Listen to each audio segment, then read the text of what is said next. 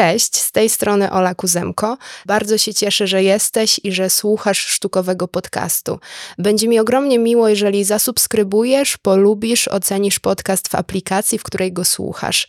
Dzięki temu rozmowy mojego podcastu o sztuce będą docierać do coraz to nowych osób. A teraz zapraszam na rozmowę.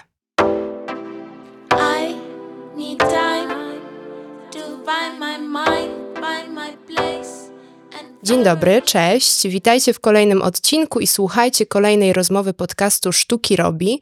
Moją dzisiejszą rozmówczynią jest Małgorzata Lebda, autorka sześciu książek poetyckich, laureatka m.in. Nagrody Literackiej Gdynia 2019 oraz Nagrody imienia Wisławy Szymborskiej 2022, doktorka nauk humanistycznych, felietonistka, animatorka kultury, redaktorka, naukowczyni, ultramaratonka. Jej debiut powieściowy Łakome ukazał się w ubiegłym już roku, bo mamy już 2024. Dzień dobry, cześć Dzień Małgosiu. Dobry. Witam serdecznie. Ta nasza rozmowa, zresztą pisałam Ci o tym wcześniej, otwiera 2024 rok w podcaście, więc zacznijmy od początku, o początkach. Interesowałoby mnie skąd w Twoim życiu wiersze, skąd proza, Czyli jak to się stało, że zajmujesz się tym, czym się zajmujesz? To jest, e, to jest pytanie takie e, wielkie, e, na które pewnie mogłabym odpowiadać wiele, wiele godzin, ale myślę sobie, że, że moglibyśmy rozpatrywać to pytanie na, na dwóch płaszczyznach, ponieważ z jednej strony czuję się przede wszystkim czytelniczką, czytelniczką poezji, czytelniczką prozy, a dopiero w drugiej kolejności osobą piszącą, i bez tego pierwszego, bez czytania, e, nie byłoby mnie jako osoby piszącej. Jeśli chodzi o same e, wiersze, to ja mam taką teorię uknutą, e, mówiącą, dlaczego zabrałam się za pisanie. I dla mnie samej to jest ciekawe, ponieważ jest to związane z brakiem dowodów fotograficznych na swoją e, przeszłość, na swoje dzieciństwo. To jest e, takie um, uczucie, które pojawiło się u mnie w momencie, kiedy przeprowadziłam się z mojej beskidzkiej wsi tutaj do Krakowa, żeby studiować, i moi koledzy i koleżanki przywozili do akademika albumy fotograficzne albo po prostu zdjęcia, żeby pokazać swoją rodzinę, pokazać swoich bliskich, ale też, żeby ich mieć przy sobie, żeby pamiętać. Ja nie mogłam się czymś takim pochwalić, e, ponieważ w moim domu e, nie było aparatu fotograficznego. Mm, razem z rodzeństwem mamy kilka zdjęć, ale to są zdjęcia komunijne, e, gdzie już jesteśmy dosyć, e, dosyć e, dużymi, dużymi dziewczętami, wtedy uświadomiłam sobie, że właściwie nie mam żadnego rodzaju dowodów na moją historię, na moją przeszłość. I spróbowałam pisać, spróbowałam zatrzymywać to, co jeszcze pamiętam z tej mojej wsi.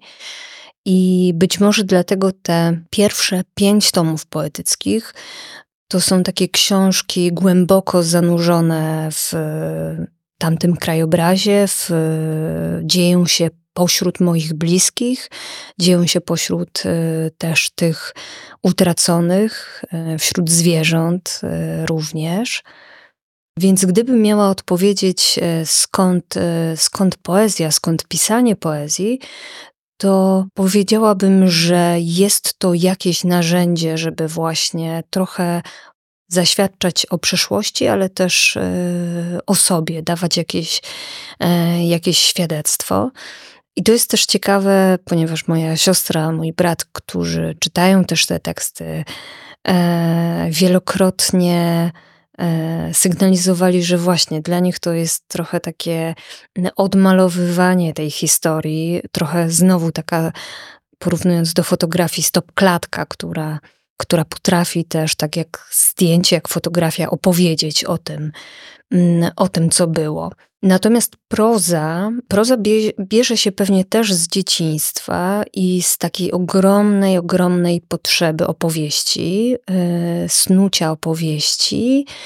I tutaj też mam taki przykład, który jest związany z moją siostrą bliźniaczką, z którą e, no, jakby w dalszym ciągu jestem bardzo, bardzo związana, ale nasze dzieciństwo wyglądało też tak, że dzieliłyśmy wspólny pokój, e, miałyśmy jedno wspólne łóżko e, i bardzo często również wspólne problemy z zasypianiem.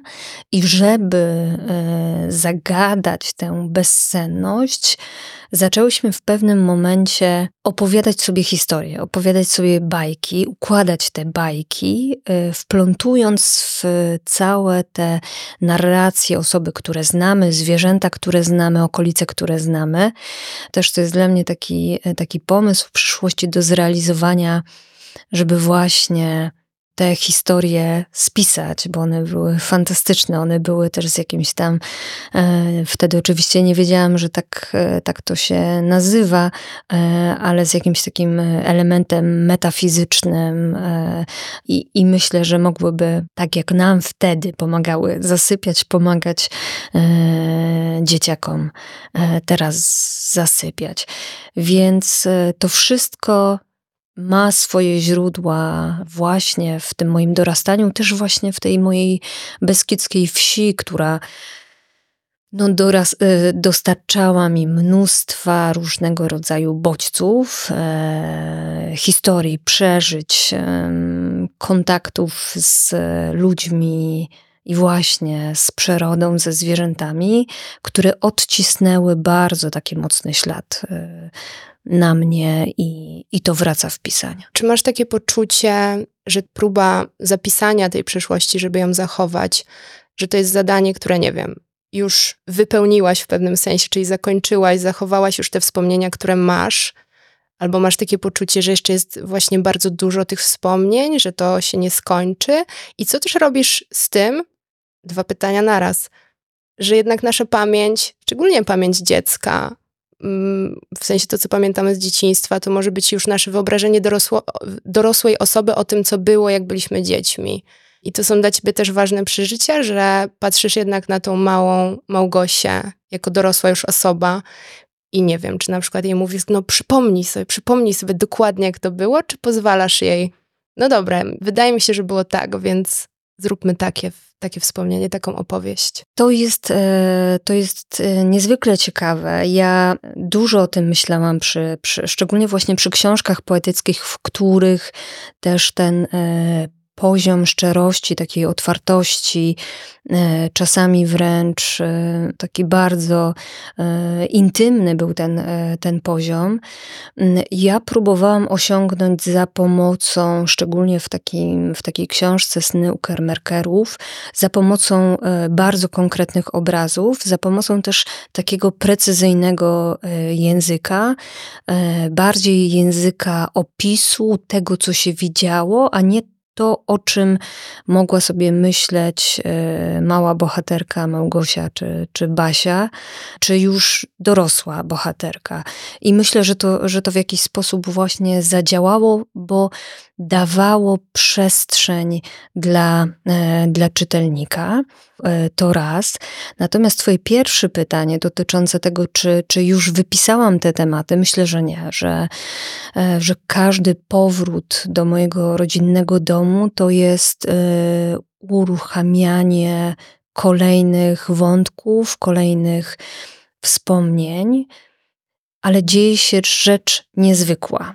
E, ponieważ e, wszystkie książki poetyckie, które pisałam, pisałam w oddaleniu od, od mojego domu rodzinnego. Ale od roku jestem w bliskości tego mojego domu rodzinnego w takim sensie, że zamieszkałam we wsi, która jest nad moją rodzinną wsią. I to jest takie piękne miejsce w paśmie Jaworzyny Krynickiej, w lesie, w głębokim lesie. E, mówimy na to miejsce na grani. E, stara e, chałupa, stodoły, stajnie, które tak sobie marzę, czekają na jakieś zwierzęta wyciągnięte z rzeźni. Właśnie to jest dla mnie niezwykłe, że na tę perspektywę pamięci, wspomnienia dochodzą teraz moje doświadczenia bycia znowu na wsi i oglądania też trochę tej e, mojej wsi z góry, przyglądania się właśnie temu całemu krajobrazowi, w którym widzę mój dom, w którym widzę konkretne pola, lasy, właśnie ubojnie. I, i to jest trochę takie jakby patrzenie na scenę teatralną i znowu wyobrażanie sobie, co tam mogłoby się e, zadziać. Natomiast równie ciekawe, e, ciekawe jest to, co dzieje się w tym nowym miejscu, gdzie, gdzie zamieszkaliśmy gdzie mieszka niewielu, e, niewiele osób. E, mam trójkę sąsiadów, każdy w takiej odległości mniej więcej jednego kilometra, więc to też daje taką perspektywę e, swobody E, i wolności. I ci ludzie są przeciekawi, ci ludzie są fascynujący, ci ludzie są, tak sobie myślę, że właściwie o każdym z nich, o każdej tej historii rodzinnej, o tych domach można byłoby napisać e, wielką, taką mm, klasyczną, klasyczną mm, powieść. A jeszcze to, że e, ten przysiółek jest E, bez drogi dojazdowej sprawił, że mm, na przykład nasi sąsiedzi w dalszym ciągu na polu pracują koniem. E, I kiedy wchodzi się do, e, do domu, e, no to dalej piecze się chleb. Nasza sąsiadka ma żarna, na których miele jeszcze zboże, więc to jest no, niesamowite. I tak sobie myślę, że z jednej właśnie takiej historii, z której wyszłam takie miałam poczucie tymi pięcioma czy sześcioma właśnie książkami, bo Merde Glass też przygląda się e, tym doświadczeniom, ale już z perspektywy. Mam poczucie, że wpadłam w nową opowieść, e, no i bardzo się w niej dobrze czuję, rozgaszczam się, e, no, notuję i mam nadzieję, że, że w przyszłości to też będzie takie źródło zasilające pisanie. Powiedziałaś parę takich zdań, i chciałabym ten wątek złapać o konkretnych obrazach, o bardzo konkretnych słowach, teraz o notatkach. W sztukowym podcaście sztuki się robi, więc muszę Cię zapytać też o to teraz, jak robisz, e, jak piszesz, jak wygląda Twój proces pisania. E, masz właśnie już teraz doświadczenie pisania też prozy, nie tylko poezji. Czy to jest taki proces, nie wiem, bardzo szybki, że notujesz sobie i to już jest potem właściwie prawie to, czy wręcz przeciwnie, notujesz bardzo dużo i potem skreślasz. I interesowałoby mnie właśnie, co się potem dzieje z tymi notatkami, co się dzieje, nie wiem, czy budzisz się w nocy natchniona, o to napiszę, czy siadasz na przykład od 8 do 16 i teraz piszę. Faktycznie e, tutaj warto rozdzielić e, prozę e, od poezji i zacznę może od poezji, bo tutaj już tych książek trochę, trochę jest i to moje pisanie poezji na początku też było bardzo takie, myślę, intuicyjne, wręcz, wręcz organiczne. Trochę podążałam za tym, co, co mówiło mi ciało te pierwsze teksty poetyckie oczywiście były też takimi tekstami, gdzie wydawało mi się, że one są genialne, że absolutnie no nie, nie potrzebują w ogóle żadnych, żadnej pracy, że nikt mnie za nic nie, nie skrytykuje, bo po prostu one są genialne.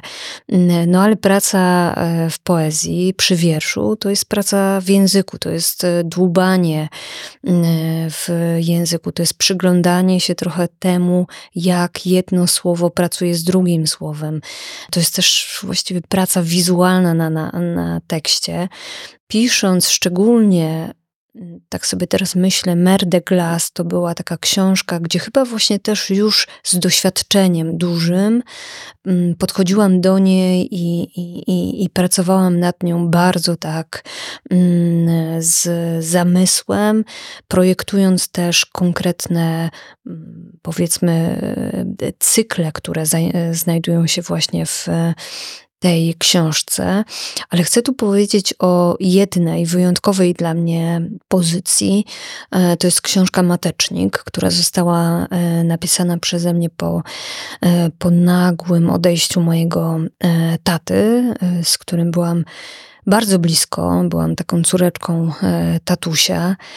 Po tym odejściu Właśnie, miałam coś takiego, o czym wcześniej myślałam trochę e, uśmiechając się i, i bardzo sceptycznie, to znaczy właśnie pewnie mogłabym to nazwać natchnienie, bo wyglądało to tak, że przez y, około dwa miesiące y, właśnie wstawałam w nocy i, i, i pisałam. Jakoś napędzana taką wewnętrzną siłą. Wiem, że pewnie to też po prostu był jakiś etap żałoby, żeby spróbować sobie to wszystko e, jakoś opowiedzieć. I akurat książka Matecznik jest, jest taką książką, która jest e, od początku do końca napisana tak, jak ją, tak jak mi powiedzmy coś dyktowało. I bardzo właśnie szybko ją napisałam, więc, więc tak to tutaj wyglądało. Im jestem starsza, tym więcej czasu poświęcam na taką pracę E, przy konkretnym tekście, pracę redakcyjną, dużą frajdę sprawia mi po prostu e, siłowanie się z tekstem, ze słowami, e, szukanie jakichś innych możliwości i dróg. Natomiast proza, książka Łakome to, to sam pomysł ma już ponad 10 lat. Myślałam o napisaniu tej książki Znowu e, muszę przytoczyć wątek, wątek osobisty i dosyć trudny, bo mamy tutaj narratorkę, która opowiada nam w tej książce i Zdradzę Państwu, że pod tą narratorką jestem, jestem ukryta ja, e, jako też osoba, która była osobą towarzyszącą najbliższej mi kobiecie, mojej mamie w chorobie właśnie nowotworowej. Więc tutaj w książce Łakome poukrywałam pod babką, mamę pod dziadkiem, tatę pod narratorką, mnie i tak dalej, i tak dalej. Ale znowu e, potrzebowałam fikcji i potrzebowałam też opowieści. E, potrzebowałam e, czegoś, co przeprowadzi mnie jako piszącą, ale też później czytającą, ale też czytelników i czytelniczki od jakiegoś punktu do jakiegoś końca. Tylko znowu w pewnym momencie zorientowałam się, że ja nie chcę, żeby to był koniec. Stąd, stąd jak niektórzy czytelnicy mi mówią, e, że namieszałam e, w zakończeniu, że nie tego się spodziewali, E, ale nie będziemy e, zdradzać, co tam się wydarzyło. Natomiast jeśli chodzi o e, techniczną stronę pisania, no to było pisanie takie etatowe, to znaczy yy, siadałam, pisałam yy, po kilka godzin, robiłam sobie jakieś tam yy, przerwy. Co ciekawe, potrzebowałam przerw na aktywności fizyczne, takie jak jakieś grzebanie w ogrodzie, sadzenie ziemniaków, bieganie, praca przy drewnie, przy sadzie. Mm, I wtedy też znowu z jakąś taką nową energią znowu ją nazwę organiczną, wracałam do pisania tej książki. I też wiem, że ta książka nie byłaby taka, jaka jest, gdyby nie ten powrót w Beskid Sądecki, bowiem nie bez powodu przez 10 lat nie potrafiłam do niej usiąść e, i w momencie zamieszkania tam e, zrozumiałam, dlaczego ja nie mogłam do niej usiąść. To znaczy, nie mogłam pisać o tych e, krajobrazach, o tych zapachach, o tych subtelnościach, e, które są też po prostu w mieszkańcach Beskidu, e, nie będąc tam. Więc ten powrót był też znowu takim podłączeniem się do zasilania, no i dzięki temu ta książka jest, była, była możliwa ale przyjemniej pisze się poezję. Przyjemniej na pewno e, pisze się mi poezję, bo tutaj no to jest e, to jest taka robota pełnoetatowa i tak jak tutaj wcześniej za kulisową mówiłam, mm, wiedziałam też, że nie uda mi się napisać tej książki, pracując etatowo, e, tak jak, jak pracowałam wcześniej na jednym z uniwersytetów, gdzie się zwolniłam też bardzo ryzykownie na początku pandemii, e, po to, żeby usiąść i romantycznie napisać sobie tam książkę. E, no ale cieszę się, że, że to za mną i, i ta historia została, została wypowiedziana. A czy są jakieś teksty, mówiłaś dużo właśnie o takich bardzo czułych momentach, o takich intymnych miejscach, które oddajesz w tych tekstach. Czy są jakieś teksty, wiersze albo fragmenty innej formy, które napisałaś i one sobie czekają, albo napisałaś i powiedziałaś, no nie, to już, to już by było za dużo, żeby to pokazywać, czy wręcz przeciwnie, wszystko, wszystko wypuszczasz i, i, idzie, i idziesz wtedy do następnego? Mam wiele, wiele, wiele notatek i też wiele notatek, które y, były robione y, w kontekście łakomych. Y, natomiast zobaczyłam, że pisząc łakome, nie chciałam zrobić z e, tej książki, z tej opowieści taką opowieść dygresyjną. Nie chciałam jakby ściągać reflektora z e, takich konkretnych wątków, jak właśnie towarzyszenie chorobie, bliskość, y, próba y, właśnie okazania, okazania czułości czy, czy, czy miłości, czy ten wątek zwierząt, to były dla mnie takie świecące punkty, takie naświetlone punkty, i wiedziałam, że za dużo mam w głowie, żeby wszystko dawać do tej książki, że wtedy ta książka zupełnie się nie uda, że ona się rozleci. E, I tak sobie właśnie wynotowałam na marginesie e, łakomych kilka innych historii, które teraz znowu już w innych e, notatkach, no, notatnikach sobie je rozbudowuję. I myślę też, że kiedy ten mój jakiś tam projekt literacki, tak szumnie o nim powiem, się zrealizuje, to być może za jakieś tam 70 lat będzie e, kilka książek, które ułożą się w jakąś taką grzybnię, która się mm, e, pomiędzy sobą e, łączy i, i tak to sobie wyobrażam. Natomiast to jest też ciekawe, o co zapytałaś czy wszystko, wszystko wypuszczam. Jeśli chodzi o tematy, to, to wszystko wypuszczam. W sensie nie ma tak, że jakoś się cenzuruje. E, to jest dla mnie chyba najpiękniejsze w pisaniu, że mogę sobie na to pozwolić, e, że nie jestem ograniczana, tak jak chociażby w pisaniu naukowym, przez tak wiele rzeczy, że, mm, że przypomina to jakiś slalom gigant i w ogóle nie jest to dużą przyjemnością. Mm, więc, e, więc tak, jestem e, w posiadaniu wielu, wielu notatek, wielu jakichś takich miejscami już nawet powiedziałabym dosyć rozbudowanych e, tematów. E, no i teraz sobie po prostu podglądam e, świat i, i dopisuję do tego kolejne, kolejne rzeczy. A piszesz ręcznie czy na komputerze? Piszę, dużo piszę ręcznie. Mam w tym też jakąś taką przyjemność fizyczną. Lubię moment, kiedy czuję zmęczenie ręki to być może ma związek z e, tym, że zostałam wychowana też w takim etosie pracy. To znaczy, że e, ja jako dziecko wsi, e, dorastająca w domu gospodarskim, gdzie, gdzie po prostu pracowało się też w polu i to takie przekonanie, że dobrze przeżyty dzień to jest taki dzień, kiedy wiesz, że się zmęczyłaś. To znaczy, że coś się zadziało w świecie dzięki tobie, e, więc, więc być może dlatego cieszy mnie, że boli mnie ręka. To jest, ale w dzisiejszych czasach wiemy, że to dość niebezpieczny etos. Tak, tego to wiecznego prawda. zmęczenia. Tak, to prawda, to prawda. Chciałabym Cię też zapytać, nie powiedziałam o tym przedstawiając Cię, ale Twoje książki poetyckie były przetłumaczone na chyba siedem języków pewnie nie wszystkie, ale łącznie tak, chyba siedem tak, języków. Tak. Być może zaraz mnie skorygujesz. Wydaje mi się, że pewnie nie mówisz w tych wszystkich językach. I zastanawiam się, bo mówiłaś o tej pracy wprost w języku, o tym takim spotkaniu z tymi słowami, układaniu ich.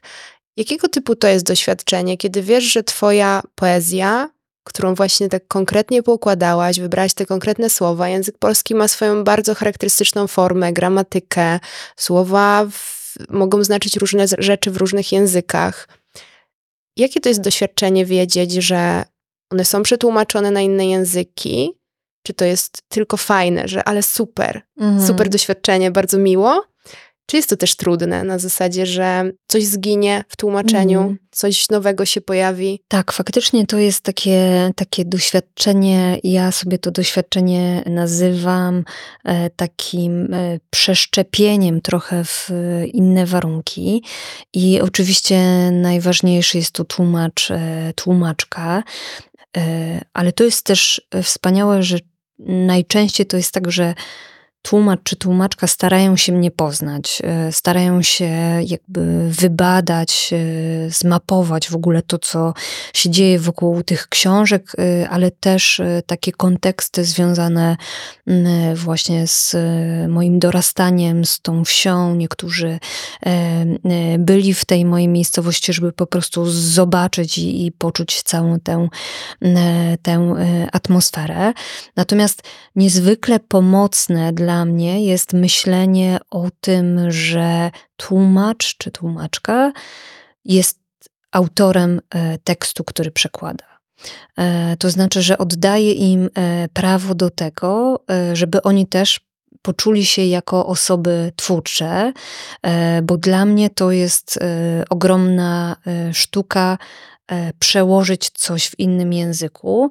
E, I oczywiście jest obawa, że coś zginie, ale przez to, że oni są e, zakorzenieni w danym języku, w różnego rodzaju kontekstach, e, mam poczucie, że niekiedy co nieco może zostać, e, o, coś ten wiersz może zostać ubogacony, więc e, to jest, e, to jest dla mnie takie niezwykle e, ciekawe doświadczenie. Praca z tłumaczami to jest też taka mocna, intensywna e, robota. E, Akurat trafiam na takich tłumaczy i tłumaczki, którzy potrzebują kontaktu z autorem po to, żeby właśnie wyłapać te e, e, niuanse, żeby mieć pewność, że chodzi właśnie o to, o co, o co może chodzić. Więc to też mi daje jakiś taki sygnał, jak oni czytają, w jaki sposób oni myślą o danym tekście, jak go interpretują. Mm, No i oczywiście zdarzają się jakieś momenty, y, kiedy te interpretacje idą w inne strony, y, ale właśnie wtedy z pomocą przychodzi kontekst, y, że oni rozpoznają, że okej, okay, dobrze to jest w związku z tym, więc robimy, robimy to, to tak.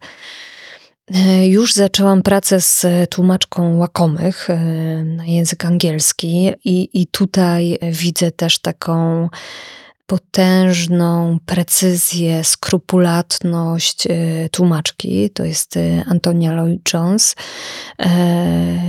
I jesteśmy na początku tej pracy i naprawdę jestem podekscytowana, ponieważ okazuje się, że i ja mogę się dowiedzieć czegoś o książce, kiedy ona jest tak uważnie czytana.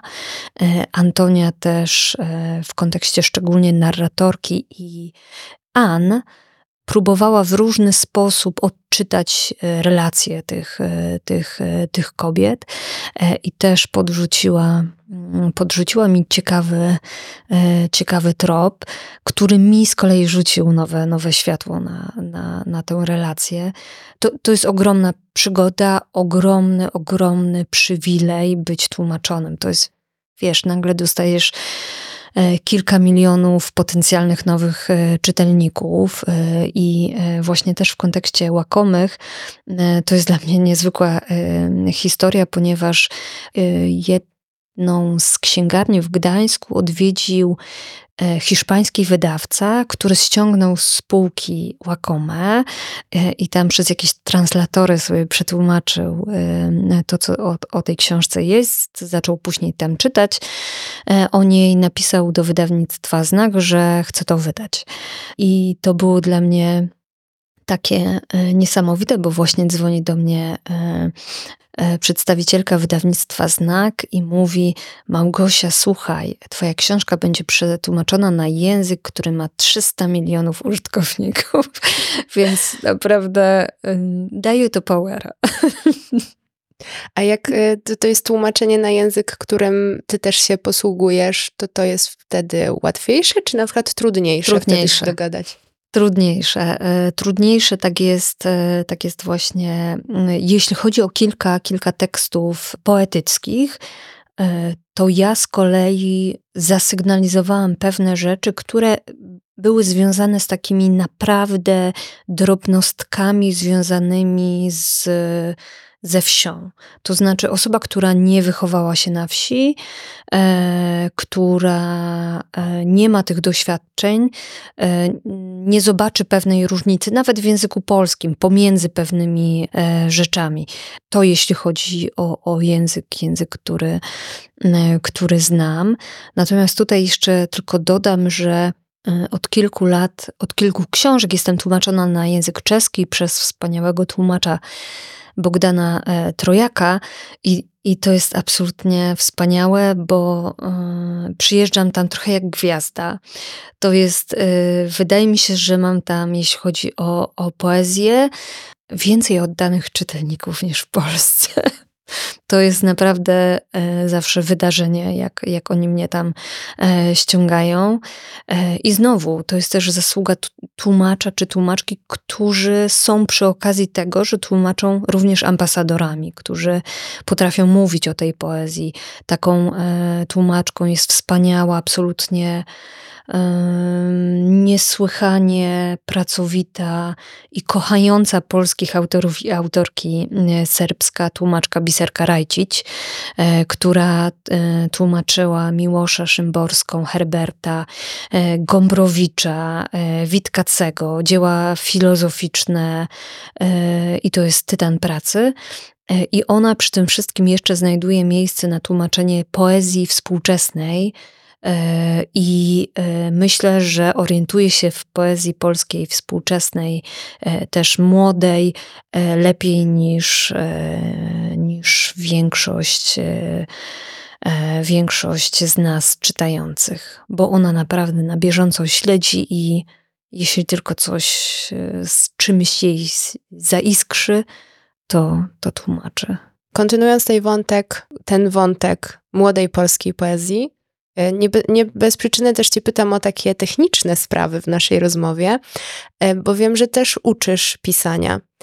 I zastanawia mnie, czego się uczy, jak się uczy kogoś pisania. Czy jest jakiś, wiesz, podręcznik dla pisarzy, 10 kroków, które trzeba zrealizować i wtedy napiszesz wiersz?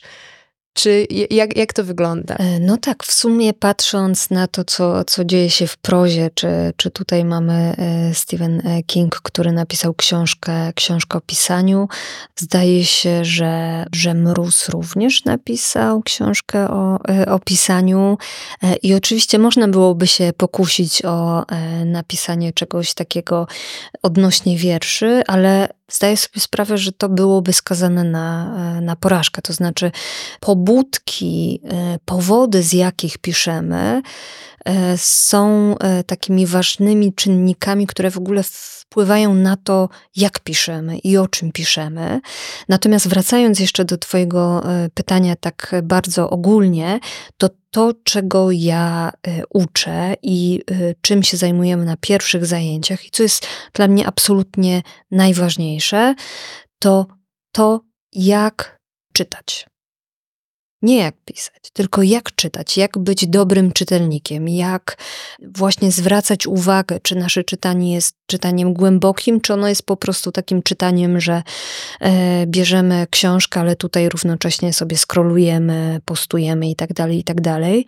Że czytamy, nie? E, dokładnie. Zdjęcie dokładnie, na Instagram, że czytam. Dokładnie tak, więc, e, więc też ze studentami e, dyskutujemy na tym, nad tym i to jest dla mnie mm, bardzo, bardzo takie ważne, że widzę, że oni tego potrzebują, że ktoś e, w całym tym pędzie wszystkich ogromnych lektur, które mają mm, przeczytać, ktoś ich zatrzymał i powiedział: OK, E, macie bardzo dużo do czytania, ale zobaczcie, jak to czytacie. Czy czytacie tak, jakbyście chcieli e, e, właśnie czytać, czy uświadamiacie sobie w ogóle to, w jaki sposób czytacie. No i mam już, już takie sukcesy, e, że studenci na przykład e, zorientowali się, e, że po przeczytaniu tomu poetyckiego oni nie wiedzą, o czym to jest, i po naszych zajęciach oni już na przykład, biorąc się za książkę poetycką, odkładają telefon. I to jest zupełnie inna jakość inna jakość i inne skupienie się na, na książce, więc to, to po pierwsze. I po drugie, to też bardzo mi zależy na tym, żeby, e, żeby e, moi studenci studentki czytali nie tylko to, co mi się podoba, e, więc to nie jest taki kurs ulubione lektury Małgorzaty Lebdy i po prostu piszemy tak, jak właśnie ulubieni tutaj autorzy i autorki, tylko eksperymentujemy. Pokazuję im bardzo wiele różnych ścieżek, prowadzenia e, wiersza. Dyskutujemy nad tym, co się sprawdza, co się nie sprawdza. E, no i dla mnie to też jest taka mm, wspaniała praca, która trzyma mnie nieustannie w takim twórczym e, fermencie. No, robię to, co, co, co kocham, czyli jestem blisko tekstów, e, e, tekstów innych też przede wszystkim, e, osób piszących, więc tak.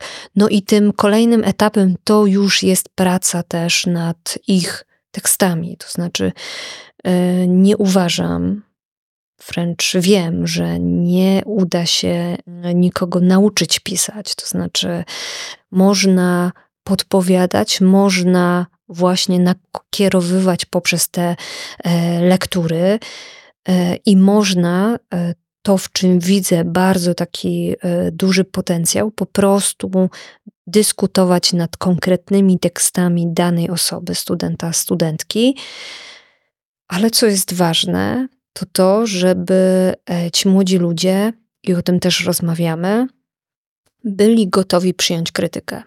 Ale to też wymagało ode mnie wiele lat pracy wcześniej, żebym ja e, była w stanie tę krytykę e, wypowiedzieć, bo to nie jest łatwe kogoś krytykować, szczególnie jeśli widzisz, e, bo ja zawsze sobie siebie przypominam, mhm. tę e, młodą Małgosię, która pisze swoje pierwsze wiersze i jest już pewna, że nic nie trzeba tam przy nich grzebać i pewnie gdyby ktoś mi wtedy powiedział, że to jest do niczego, to być może bym nie pisała, więc warto rozmawiać z nimi też w taki sposób, żeby nie gasić tego, e, tego płomienia, które, który e, mam takie przeświadczenie, że każdy z nas ma.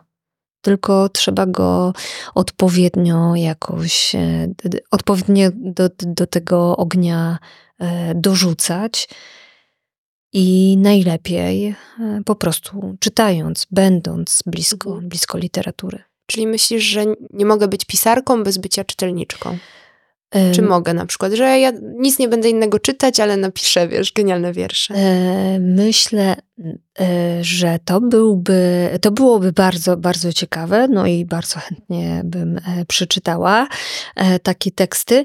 Natomiast wydaje mi się, że nie można być, albo inaczej, że trudno jest być dobrym, dobrą osobą piszącą, w takim sensie właśnie warsztatowym, e, pomysłów, bez e, czytania, ale też właśnie to jest istotne, bez zobaczenia, bez wglądu w to, co już zostało zrobione. Bo to jest jeden z takich dużych problemów, e, właśnie jeśli chodzi o pracę studentów, że dostaje teksty, dostaje pracę, i później ją omawiamy. I ja potrafię wskazać konkretnych autorów czy autorki, konkretne książki, w których to już zostało zrobione. Więc e, ta świadomość e, literacka, ta e, kultura literacka jest też związana z tym, żeby wiedzieć, w jakim momencie historii literatury i pisania tej historii jesteśmy, co już zostało zrobione. E, I przepraszam, że użyję takich strasznych słów, ale właśnie, co jest e, już trochę passe. Bo bardzo to się szybko zmienia. Oczywiście mamy wspaniałych autorów, e, którzy nie oglądają się na mody, którzy e, są zupełnie osobni, ale żeby nie oglądać się na mody i być zupełnie osobnym, trzeba znać te mody. Trzeba wiedzieć właśnie w jakie kolejny nie wpadać, żeby e, nie, nie być, e, nie powtarzać jakichś, jakichś e, gestów. Więc czytanie, czytanie, czytanie, czytanie, pisanie. Może jeszcze to czytanie pociągnijmy. Myślę, że obie znamy takie pytanie, które stało się już chyba żartem po prostu w kulturze, co autor miał na myśli, bo tak się trochę w szkole omawia lektury, teksty proponowane w podręcznikach, nie wiem, czytamy Ode do młodości, czytamy Przysłanie Pana Kogito, siedzimy w szkolnych ławkach i mówimy, dobra, no to co on miał na myśli w tej linijce, w tej zwrotce, dlaczego tak, dlaczego nie inaczej. Więc jak ty proponujesz czytać i twoją poezję i zapewne każdą inną, jakie pytania ja mogę sobie stawiać i nasi słuchacze, nasi, nasze słuchaczki teraz mogą sobie od teraz stawiać czytając poezję. Czy rzeczywiście powinnam usiąść i się zastanowić, co Małgorzata Lebda miała na myśli, czy wręcz przeciwnie zadać sobie zupełnie mm. inne pytania? Tak, to jest sprawa e, niezwykle dla mnie e, ważna, e, bo tutaj chodzi o czytelników, o przyszłych czytelników, o to, czy ktokolwiek będzie nas e, czytał i doświadczenia e, szkoły, edukacji niestety sprawiają, że kiedy tylko wyjdziemy ze szkoły podstawowej, czy tam z liceum, e, czy po studiach, to już po prostu oddychamy z ulgą, że o Boże, już nikt nie będzie chciał, żebyśmy przeczytali wiersz. I potem według klucza maturalnego o nim napisali. Dokładnie. A wydaje mi się, że to jest wielka, wielka strata, że po szkole tracimy kontakt z poezją, że nie wiemy też o tym w wielu przypadkach, że jest poezja współczesna. Że mm, poeci piszą na bieżąco o rzeczach, które nas dotykają, które są, y, są o nas. Y, więc, y, więc, więc to raz. O co ja siebie pytam, czytając wiersze, i o co chciałabym, żeby czytelniczy, czytelnicy i czytelniczki pytali siebie, czytając moje teksty, to byłyby dwa takie e, pytania. To znaczy, co czuję, czytając ten tekst, i drugie pytanie, wpisujące się w to pierwsze, pierwsze co ten wiersz ze mną robi. E, więc takie pytania otwierające, które też w czasie lektury dają w tym tekście miejsce na mnie jako na czytelnika. Wydaje mi się, że otwierają też taką przestrzeń do tego, żeby nawiązał się jakiś dialog pomiędzy, e, pomiędzy e, czytaną rzeczą a osobą, która, e, która go czyta.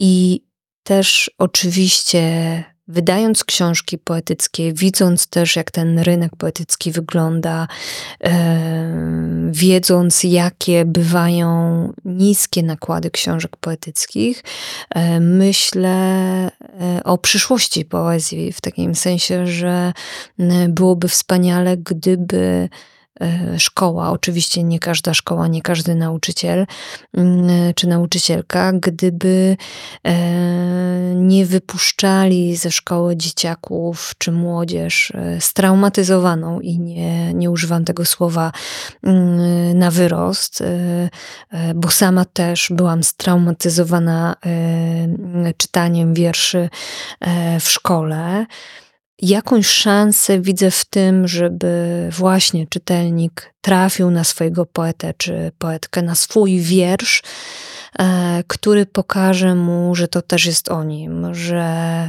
czytanie szczególnie czytanie wierszy, czytanie na głos jest też jakimś takim sposobem dobrego bycia w świecie, jakimś takim sposobem na e, wzmacnianie się i na podglądanie też czy przeglądanie się w doświadczeniach e, innych, e, innych osób. E, więc te, te dwa pytania wydają mi się niezwykle ważne. Co czuję, co czuję i co, co ze mną robi ten wiersz. A czy proponujesz czytać na głos, czy tylko w głowie? Ja może od razu się zwierzę z mojego doświadczenia czytania w ostatnich dniach bardzo intensywnie czytałam Twoje teksty. Zorientowałam się chyba znów, bo już to wiedziałam, myślę wcześniej, ale zawsze mnie to jakoś zaskakuje, że zupełnie inne rzeczy rozumiem, widzę i zupełnie co innego mi się wydaje, jak sobie czytałam, wodząc tylko wzrokiem po tekście, a jak nagle odczytywałam sobie Twoje teksty na głos. Każda z tych praktyk e, ma, e, ma swoje plusy, e, ale faktycznie no to też zależy oczywiście od kontekstu, czy jedziemy tam w pociągu, w strefie ciszy i tak dalej, i tak dalej, czy możemy sobie pozwolić na głośne czytanie, bo ja faktycznie szukam takich momentów, takich przestrzeni, e, żeby sobie na to pozwolić, żeby czytać na głos, bo wracając do tego uważnego czytania, mam wrażenie, że wtedy sporo rzeczy się ujawnia. Też ujawnia się w e, języku, bo e, wypowiadając je na głos, te słowa, E, one po prostu o siebie uderzają. E, one coś też robią już w tej przestrzeni po prostu pracy, pracy takiej wokalnej, mm, więc to jest e, fascynujące.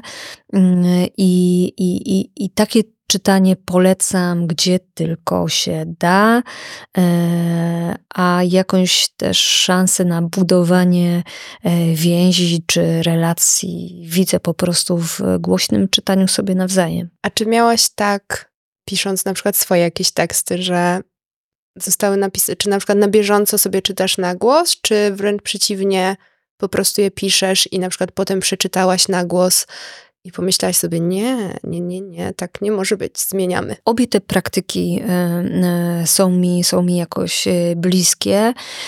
Jeśli chodzi o teksty poetyckie, to faktycznie każdy tekst, każdy nowy tekst czytam głośno, żeby też spróbować go samej usłyszeć. Natomiast z prozą miałam tak, że to były jednak dłuższe fragmenty i czytałam je dopiero po, po skonstruowaniu jakiejś całostki. E, no i wtedy wielokrotnie było tak, jak właśnie powiedziałaś, że, e, że mi to nie brzmiało, że mm, gdzieś tam wiedziałam, że jest jakieś słowo, e, które tutaj lepiej zagra i, i ułoży jakąś melodię, wpiszę się w tę melodię mm, tej właśnie opowieści. Dochodzimy do tego momentu, jak zapraszam muzyków, osoby tworzące muzykę, osoby komponujące. Zawsze mówię, żeby były DJ-ami na naszym dancingu i zapuściły jakieś bity. E, powiedziałaś przed chwilą, że dostrzegasz ogromną wartość w czytaniu sobie nawzajem, więc e, zapraszam Ciebie teraz. Słuchajcie, Małgosia zgodziła się, żeby przeczytać nam wybrany przez siebie e, swój wiersz. E, więc zapraszam Cię do tego, żebyś powiedziała, co przeczytasz. Jeżeli, ma, jeżeli chcesz, to możesz powiedzieć też dlaczego, ale nie musisz. No i żebyś nam przeczytała. Dobrze, bardzo Ci dziękuję za tę propozycję. Faktycznie jestem z tych y, osób piszących, które bardzo lubią czytać na głos i przeczytam, e, przeczytam Ci, przeczytam Państwu e, wiersz, który otwiera tom Mer de jest to wiersz dla mnie ważny, ponieważ jakby nałożył czy sprowokował cały rytm tej książki i idzie on tak. Karmienie psów. Ranki tu, w wilgotnej dolinie są dobre. O końcu świata, który trwa, przypominam sobie nieczęsto. Są bowiem sprawy ważniejsze. Zażyć rano tabletkę eutyroksu, umieścić świadkę deksybaktinu w pyszczku kota. I jeszcze. Nakarmić psy, opowiedzieć psom sen, wyprowadzić psy. Ranki tu są dobre, spokojne, ciągną się do samej nocy. Bardzo dziękuję. Powiedz mi jeszcze, co u ciebie twórczo teraz, co w przyszłości bliższej, dalszej, co ciebie czeka i gdzie możesz nas zaprosić do czytania czego, do słuchania czego? To faktycznie mam, e, mam sporo e, planów. W tym momencie pracuję razem z artystą wizualnym Rafałem Siderskim nad książką o rzekach, o Wiśle. To w kontekście tego mojego doświadczenia biegu wzdłuż Wisły. I to będzie książka fotograficzna, E, gdzie mm, obrazom, fotografią będzie e, towarzyszył tekst poetycki, poemat, nad którym właśnie w tej chwili, e, w tej chwili pracuję. Kolejną książką będzie książka w ogóle samodzielna, poetycka i nad nią już, już też pracuję i mam nadzieję, że będę mogła podzielić się nią z Państwem w przyszłym, nie, o, w tym roku, już w tym roku, tak. Już za chwilę w takim już, razie. E, już za chwilę i, i faktycznie cały czas e, te pomysły prozatorskie są tam nadpisywane, ale też zupełnie daję sobie czas i przestrzeń. E, nie chciałabym wydawać na akord, więc tak, daję sobie tutaj przestrzeń, a poza tym mogą, mogą mnie Państwo czytać e, felietonowo w czasie literatury i w takim świetnym e, outdoorowym magazynie Outdoor Magazyn. E, zapraszam. Ja też Was bardzo serdecznie zapraszam. Celowo też zostawiłam Twój wiersz, który nam przeczytałaś bez komentarza. Możecie teraz do tego wrócić, jeżeli słuchaliście dalej, zadać sobie te pytania, o których Małgosia mówiła przeczytać inne jej teksty, też sobie zadawać te pytania i chyba w ogóle czytać jakąś poezję, która was dotyka i porusza. Więc jeżeli możemy coś polecić na ten nowy rok, to pewnie żeby każdy przeczytał na przykład, nie wiem, jeden wiersz w miesiącu. No, na byłoby, start albo więcej. Byłoby świetnie. Myślę, myślę, że to jest e, trochę tak jak z bieganiem, że trzeba sobie e, na początku e, dawkować bardzo powoli i zawsze jest taki e, moment, kiedy ja to nazywam, że klika. To znaczy, że ta praktyka, którą, którą e, wykonujemy, zaczyna nam przynosić przyjemność. I to jest ten moment, kiedy, kiedy wpadliśmy jest super. Tak, ja ten mo moment, o którym nazywasz to klikanie, dla mnie to też jest właśnie z aktywnością fizyczną takie, że to kliknięcie to jest moment, w którym ja już nie myślę o tym, że okej, okay, jeszcze aktywność fizyczna, tylko mówię, okej, okay, już niedługo będę miała chwilę, żeby sobie poćwiczyć tak. i głowa odpocznie. O to chodzi. Więc e, zostawiam Wam coś takiego na nowy rok. Małgosiu, bardzo dziękuję. Bardzo Ci za naszą dziękuję. rozmowę. Czytajcie poezję. Dziękuję Wam za wysłuchanie rozmowy z Małgosią. Jeżeli chcecie być na bieżąco w sprawach podcastu, to e, zapraszam niezmiennie do śledzenia sztuk e, na Instagramie i do subskrypcji Artletera. Słyszymy się za dwa tygodnie. Tymczasem róbcie sztuki. I need time to find my mind, find my place.